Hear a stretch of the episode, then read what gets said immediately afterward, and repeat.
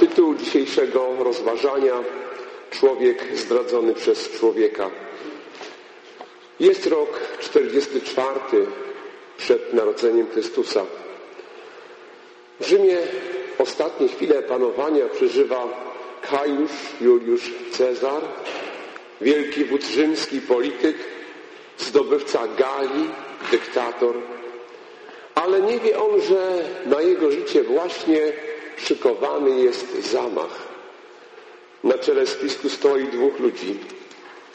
Jeden to oczywiście wróg, ale drugi, rzecz dziwna, najlepszy przyjaciel i powiernik Cezara. Upatrzywszy sobie odpowiednią chwilę, napadają na Cezara uzbrojeni w sztylety.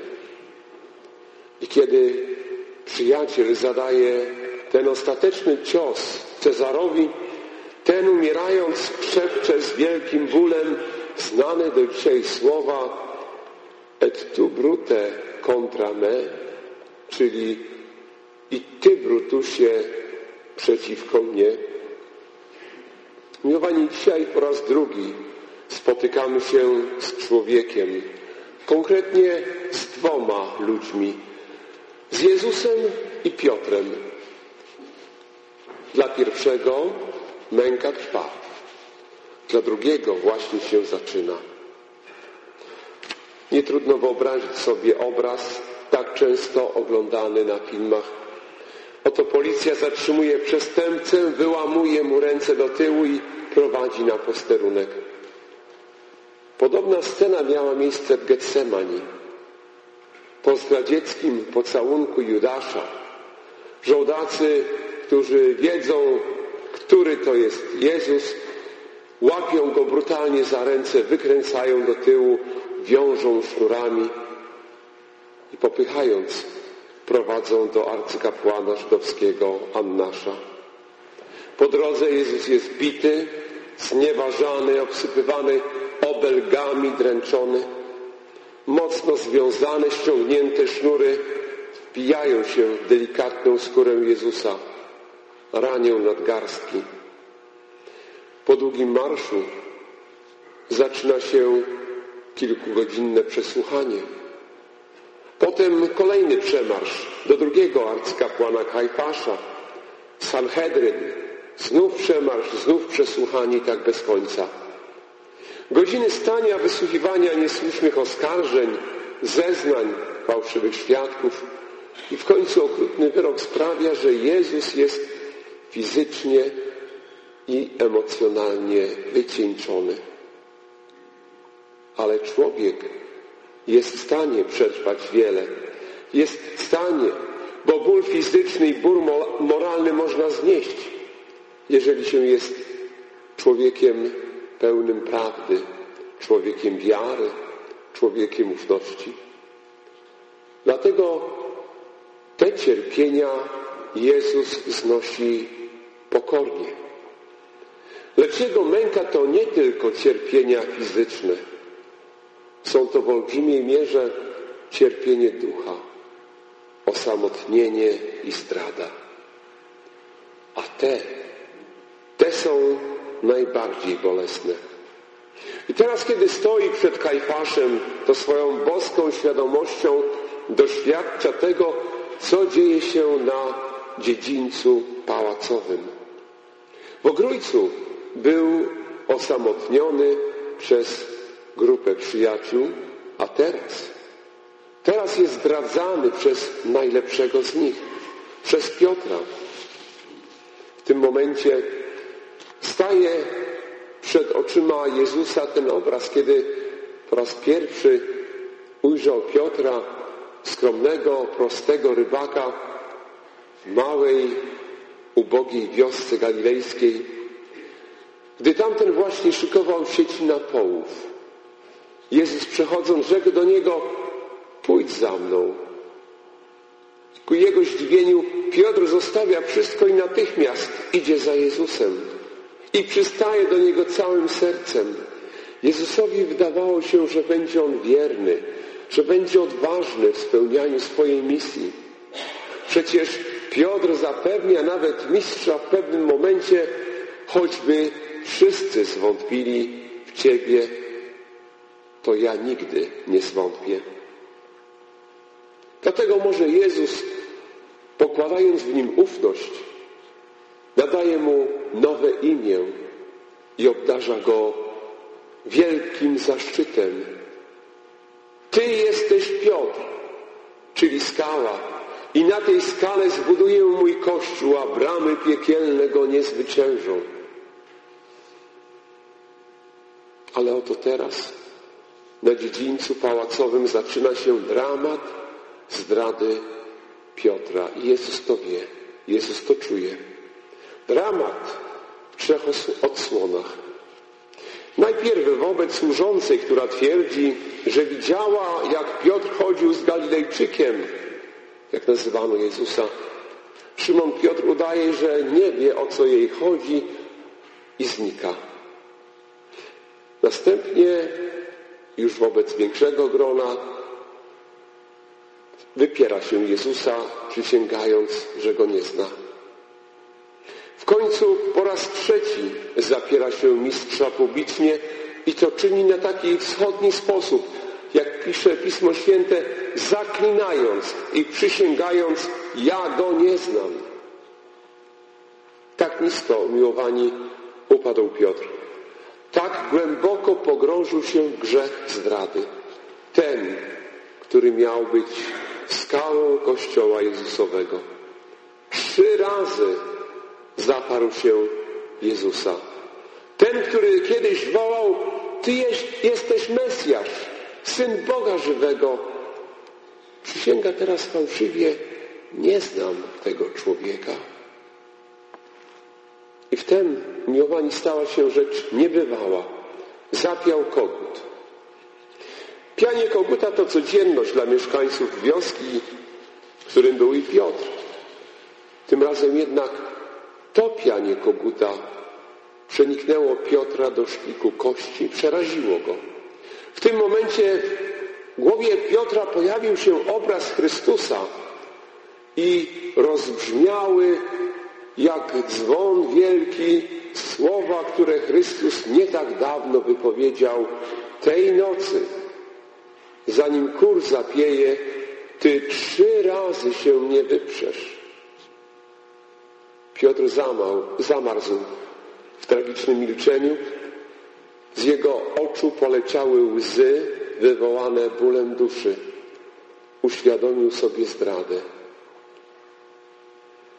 Kiedy wyprowadzano Jezusa z przesłuchania arcykapłana, ich oczy spotkały się.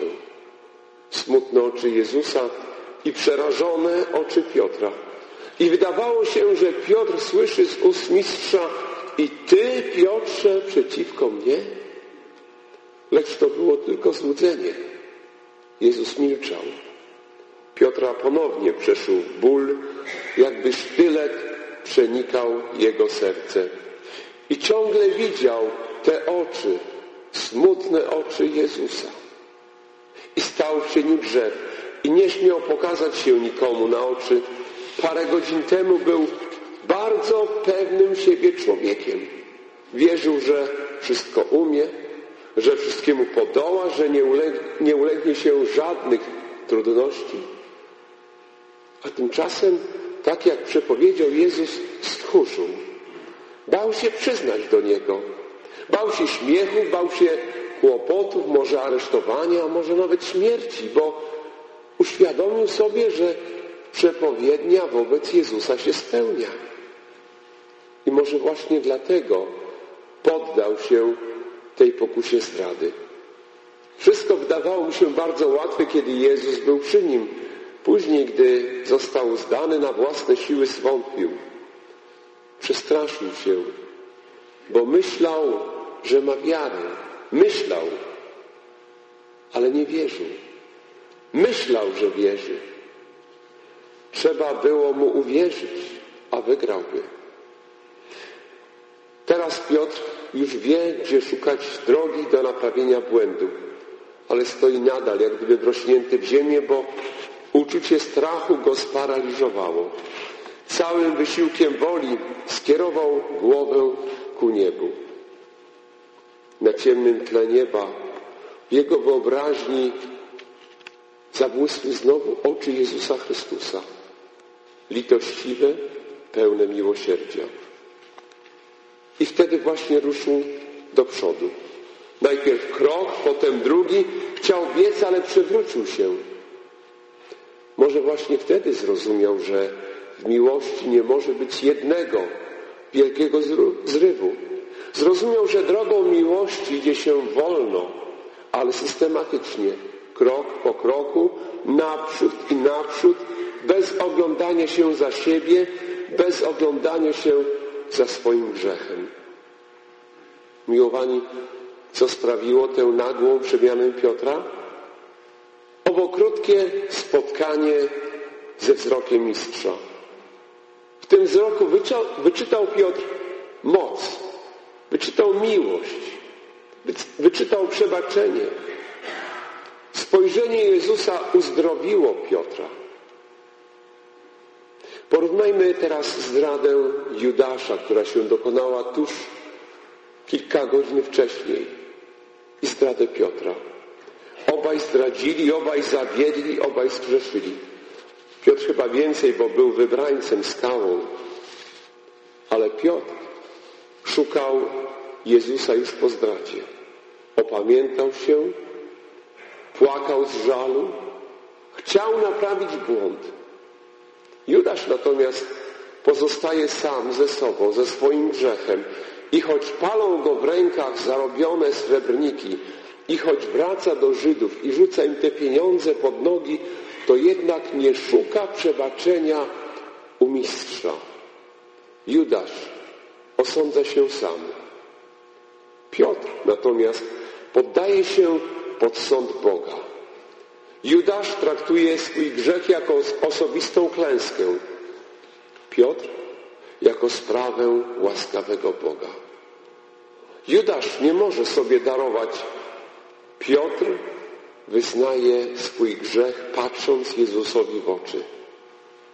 Judasz gestem rzuconych srebrników chce wymazać to, co się stało, lecz wie, że to niemożliwe. I nie wierząc w miłość Boga, w Jego miłosierdzie, własną śmiercią utwierdza i uwiecznia swą zdradę. Przegrywa. A trzeba było niewiele. Trzeba było tylko znaleźć odwagę, by wyznać swój grzech jako swój i szukać przebaczenia u miłosiernego Jezusa. Piotr natomiast wygrywa. Zaprzaniec wróci do grona uczniów, bo żałował i szukał przebaczenia. Miłowani, dzisiejsze rozważania zachęcają nas do takiego pytania i do odpowiedzi na to pytanie. Kto z nas nie jest zdradzającym Piotrem? Proszę, można śmiało podnieść rękę do góry, kto nie jest. Albo inne pytanie, to z Ewangelii, które zadał Jezus przy darowaniu win Marii Magdalenie. Kto z was jest bez, bez grzechu? I mówi do zgromadzonego obok tłumu, weźcie kamień i rzućcie w nią. Pierwszy z was, kto jest bez grzechu. Gdyby tu w ławkach leżały kamienie, czy ktoś z was miałby odwagę podnieść ten kamień i rzucić we mnie, albo w kogoś, o kim wiemy, że jest grzesznikiem? Niestety, drogi bracie, droga siostro, podejrzewam, że człowiek o sumieniu wykształconym tego by nie zrobił. Chyba nikt z nas nie miałby takiej odwagi, bo my codziennie zdradzamy Jezusa, zdradzamy Jego przez nasze zachowanie, złamanie przykazań. Zdradzamy Jezusa i można by rzec każdy z nas dokłada ręki do zdrady Piotra i cierpienia Chrystusa. Dlatego dzisiaj każdy z nas powinien popatrzeć tam, gdzie można spotkać spojrzenie Jezusa. Popatrz, poszukaj Jego oczu. I o ile żałujesz, to wyczytasz z Jego oczu przebaczenie. Spogląda On ze smutkiem na Twoje grzechy, ale zarazem spogląda z miłością na Ciebie. Zachęca do nawrócenia, cicho i pokornie, jak najlepsza matka. Popatrz na ołtarz główny. Wystawionej monstrancji jest eucharystyczny Chrystus, który za chwilę Tobie pobłogosławi, bo Ciebie kocha. Teraz popatrz na konfesjonał. Może już najwyższy czas, aby Twoje oczy zapłakały, aby zapłakała Twoja dusza i znała przez kraty konfesjonału te grzechy, które na co dzień ranią Jezusa i aby usta wyszeptały to postanowienie przemiany. Może czas umiłowani, aby uchwycić spojrzenie Jezusa i aby stać się człowiekiem nawróconym. Powiedział ktoś, słaby Kościół grzesznych uczniów Chrystusa mocny jest Jego Panem, Jego Słowem i nawróconym Piotrem.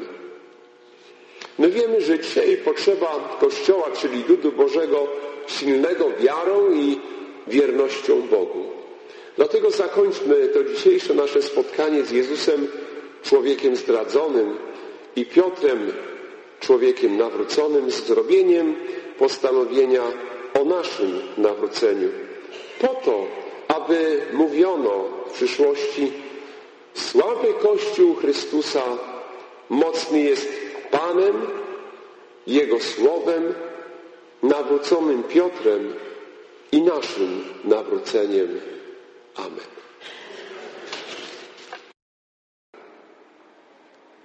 Jezus zachował się jak człowiek, który pogodził się z losem, ale nie jak człowiek zrozpaczony. Po prostu jak człowiek wielki, jak święty Boga, jak Boży człowiek. Nawet gdy człowiek opuści Boga, to Bóg nie opuści człowieka i zawsze będzie walczył o zbawienie jego duszy i wieczną radość.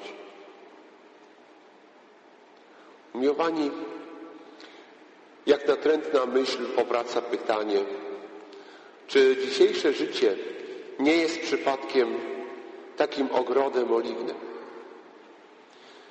Chrystus chciał włączyć apostołów w dzieło zbawienia. Ich wybrał, ich ukochał, umiłował, przygotował, przygotował do budowania Królestwa Bożego na ziemi. A oni w najważniejszym momencie spali. Cierpienie osamotnionego Chrystusa jest chyba jeszcze większe dzisiaj.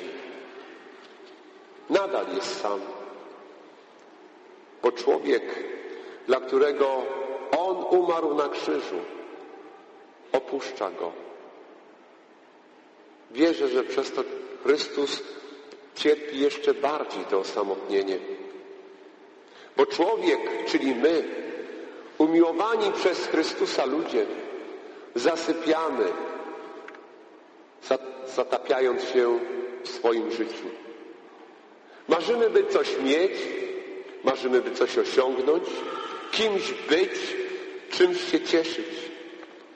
Narzekamy, jak nam źle, krytykujemy, gdy ktoś lub coś nam nie pasuje. Chcemy, by wszystko działo się po naszej myśli. Dzieci zaniedbujące rodziców, przyjaciele zostawiający przyjaciół w potrzebie, cierpiący samotnie, zapomniani w starości ludzie. To tylko dowód, że człowiek śni sen o dobrym życiu, o swojej radości, tak jak apostołowie w ogrodzie oliwnym. Bo tak jak trzej apostołowie, przyjaciele, którzy nie potrafili czuwać z Jezusem, tak śpimy chyba my wszyscy, za których Jezus umarł z miłości.